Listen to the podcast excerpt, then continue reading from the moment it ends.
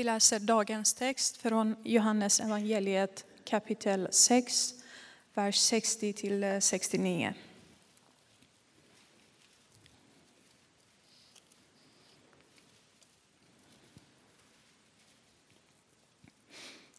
Många av hans lärjungar som hörde honom tala sade, det är outhärdligt det han säger. Vem står ut med att höra honom? Jesus, som genast förstod att lärjungarna förärgade sig över hans ord, sade till dem, för det här är att vackla. Hur blir det då om ni får se Människosonen stiga upp dit där han var förut? Det är anden som ger liv. Köttet är till ingen hjälp. De ord jag har talat till er är ande och liv. Men är det några av er som inte tror? Jesus visste ju från början vilka som inte trodde och vem som skulle förråda honom. Och han fortsatte. Det var därför jag sade er att ingen kan komma till mig om han inte får det som gåva av Fadern. Då drog sig många av hans lärjungar tillbaka och ville inte längre följa med honom. Jesus sade till de tolv. Inte vill väl ni också gå er väg? Simon Petrus svarade, Herre, till vem skulle vi gå? Du har det eviga livets ord och vi tror och vi förstår att du är Guds helige. Jesus sade, har jag inte själv valt ut er tolv och ändå är en av er en djävul? Han menade Judas, Simon eh, Iskariots son. Ty denne skulle förråda honom, och han var en av de tolv. Så lyder det heliga evangeliet.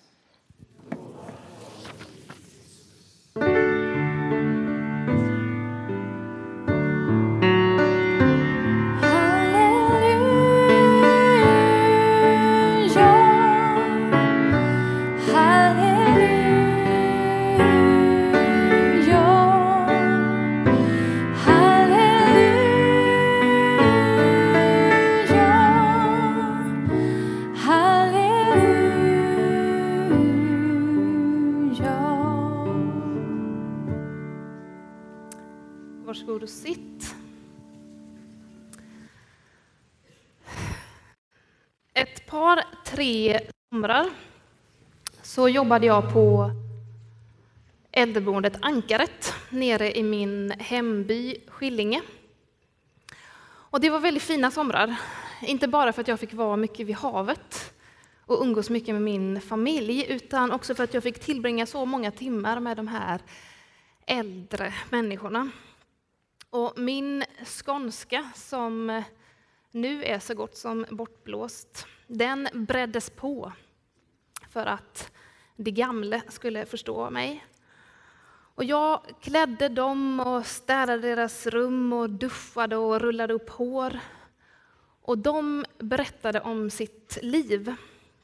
Mer eller mindre eh, repetitivt. Om hur de träffat sin partner på dansbanan. Han som var äppelbonde och stark som en oxe. De eh, berättade om husmorstips, om olika jobb som de hade haft och sjöng sånger från förr i tiden.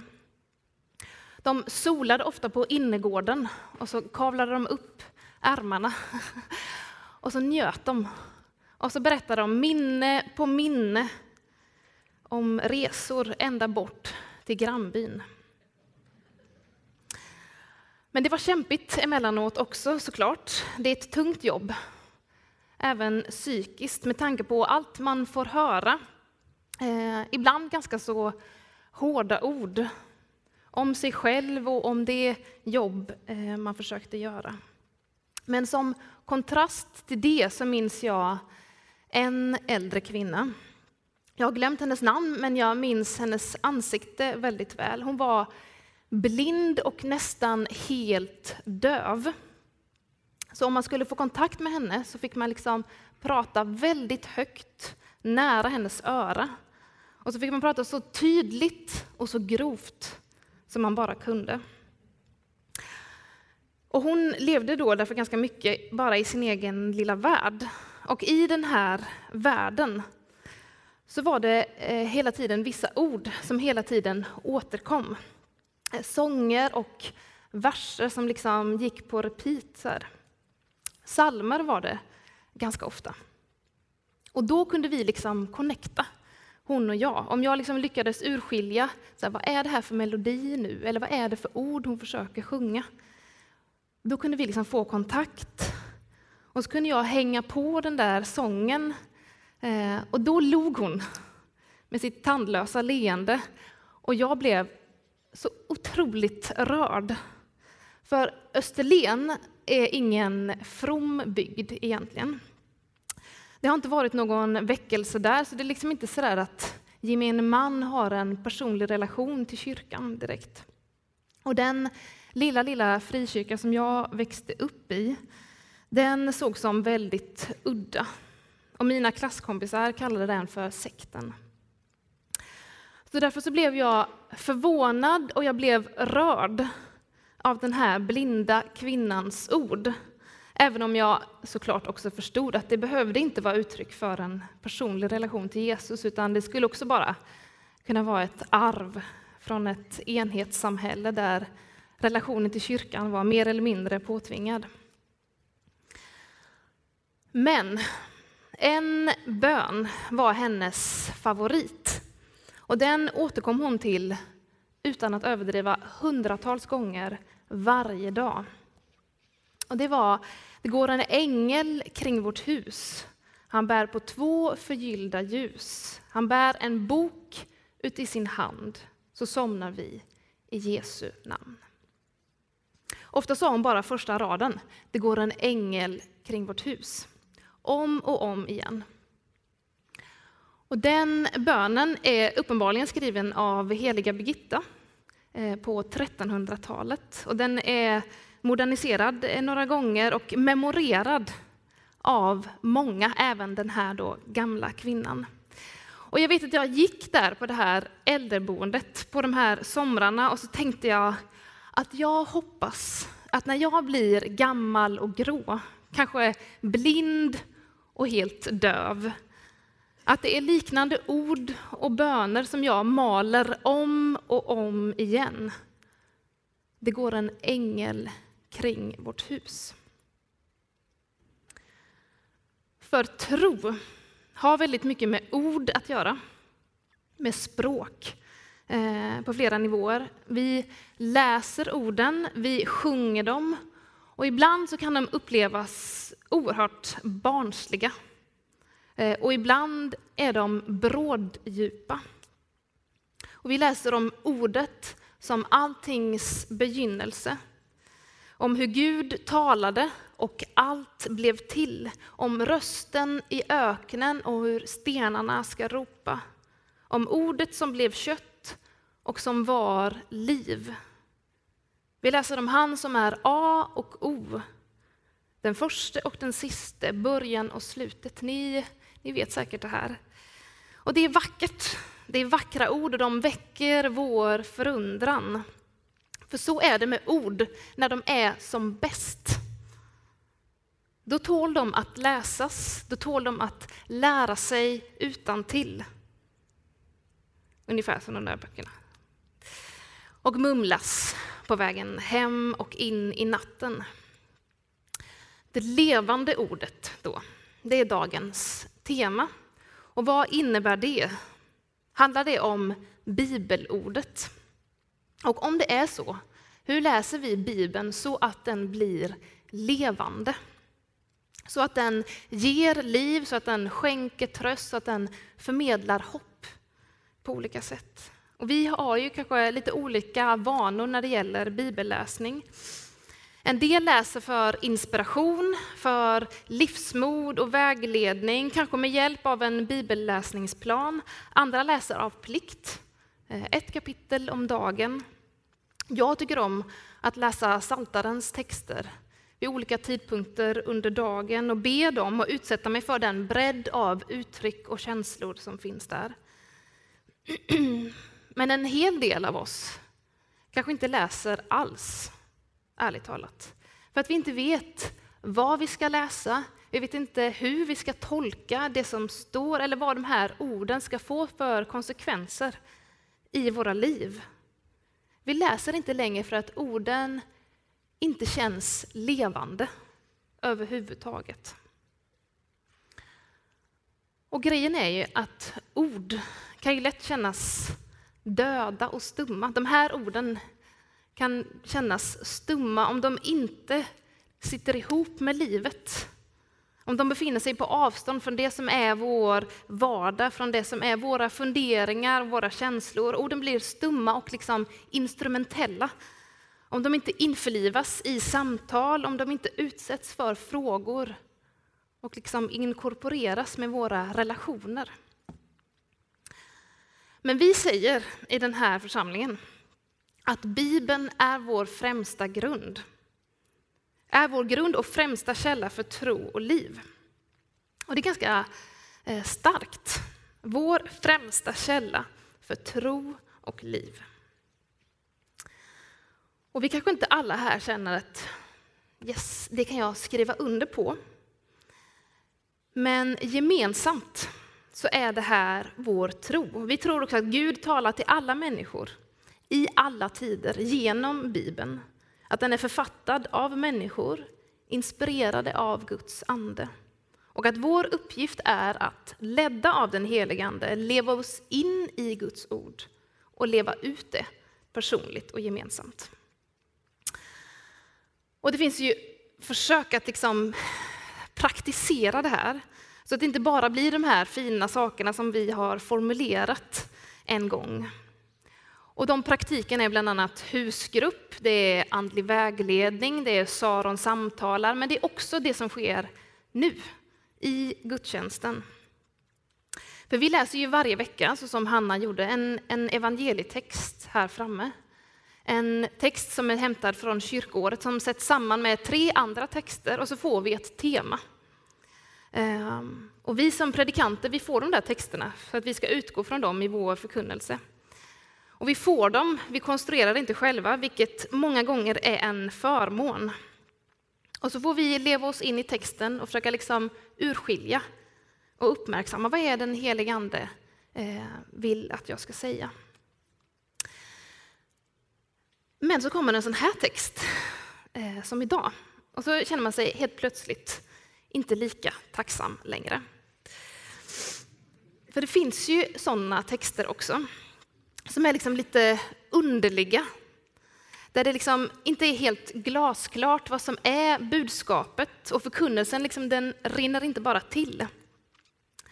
Men vi ska ändå försöka ge oss på eh, den här texten och det är en text som visar att det här temat, det levande ordet, kanske inte bara handlar om bibelordet, utan faktiskt om Jesus. Ordet som fanns hos Gud och ordet som var Gud. Så vad vill då den här söndagen säga om Jesus?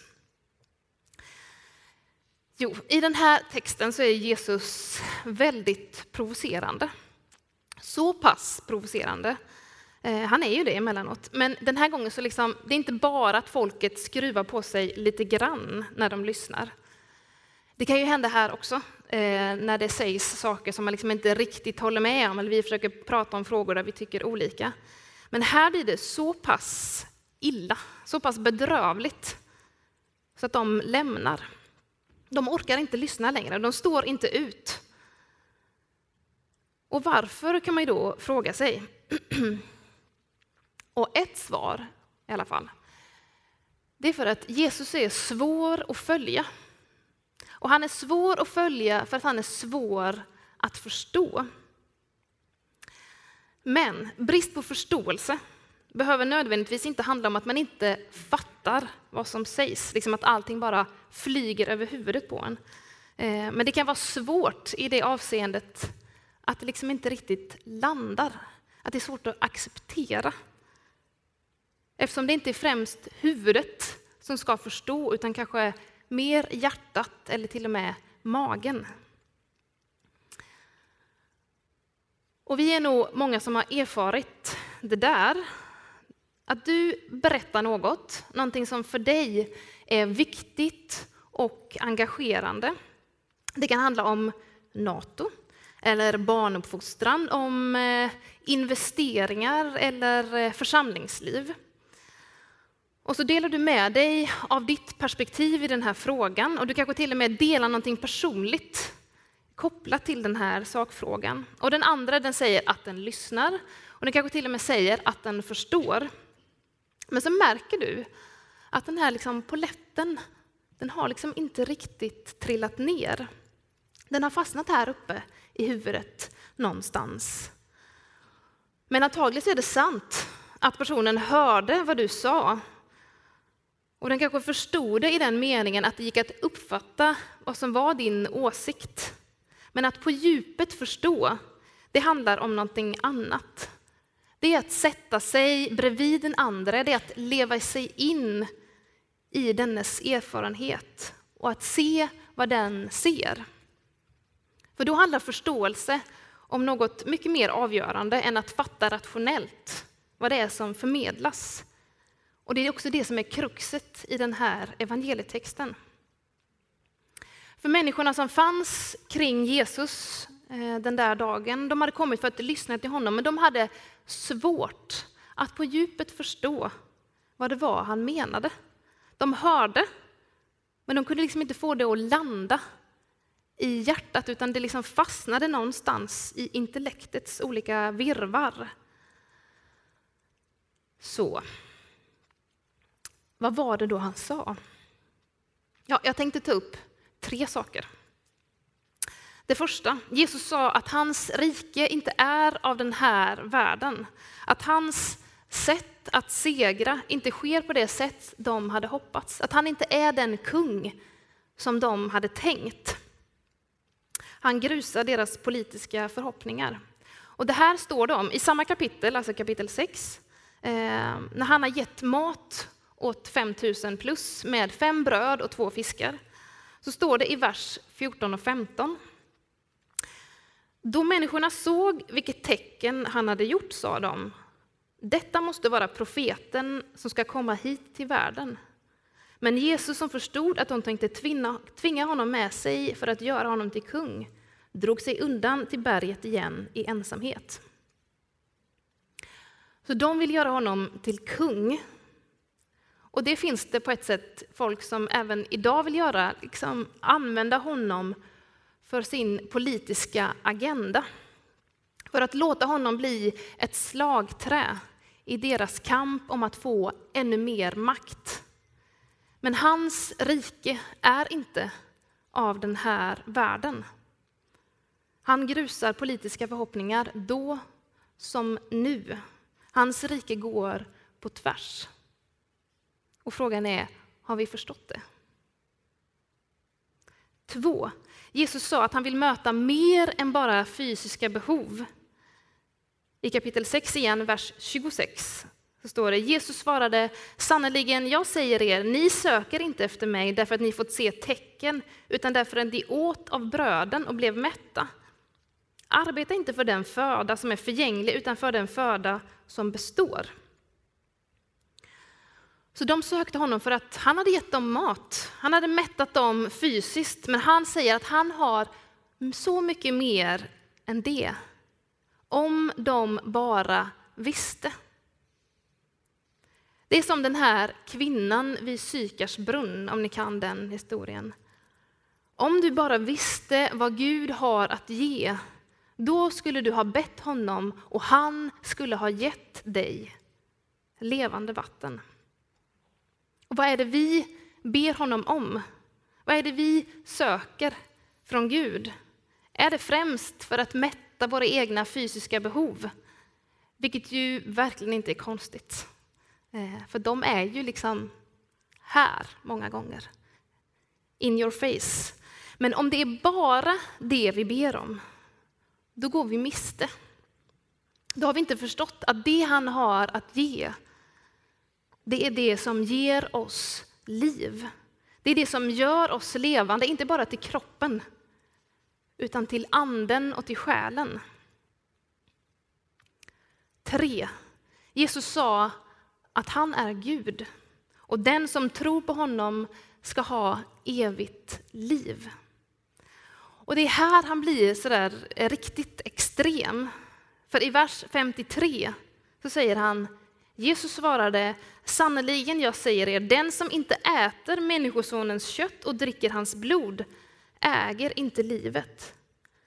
Den som äter mitt kött och dricker mitt blod har evigt liv, och jag ska låta honom uppstå på den sista dagen. Och det är liksom inte helt lättsmält det här. Om man nu verkligen lyssnar och om man fattar vad han säger så är det ändå inte lätt att förstå. Och de som är där, de lyssnar och då säger han att han har kommit ner från himlen, men de vet att han är Josefs son.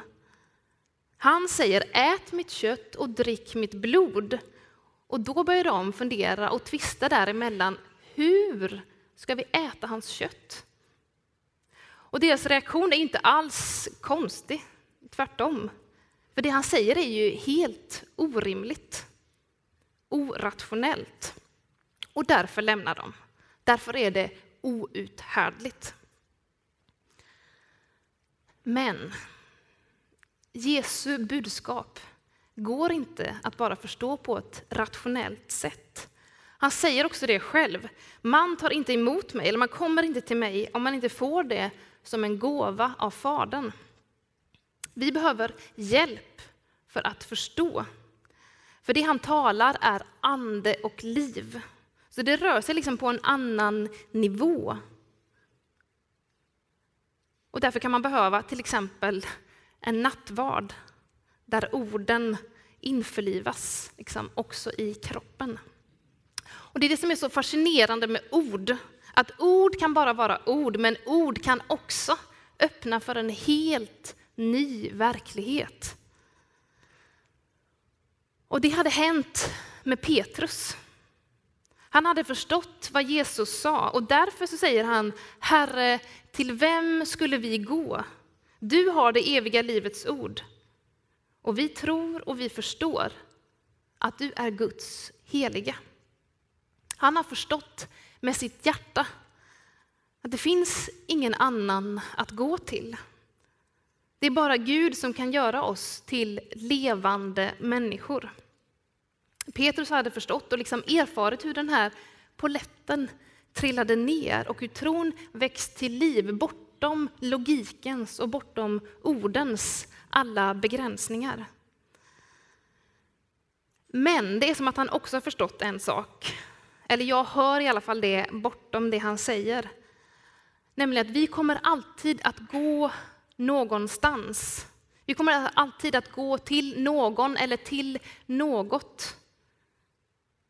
Med vår längtan, med vår sorg, med våra förhoppningar, med det som är vårt liv. Vi kommer alltid att gå till någon med vår önskan om att bli mer levande. Med vår önskan om att inte bara vara vid liv, utan att bli levande människor.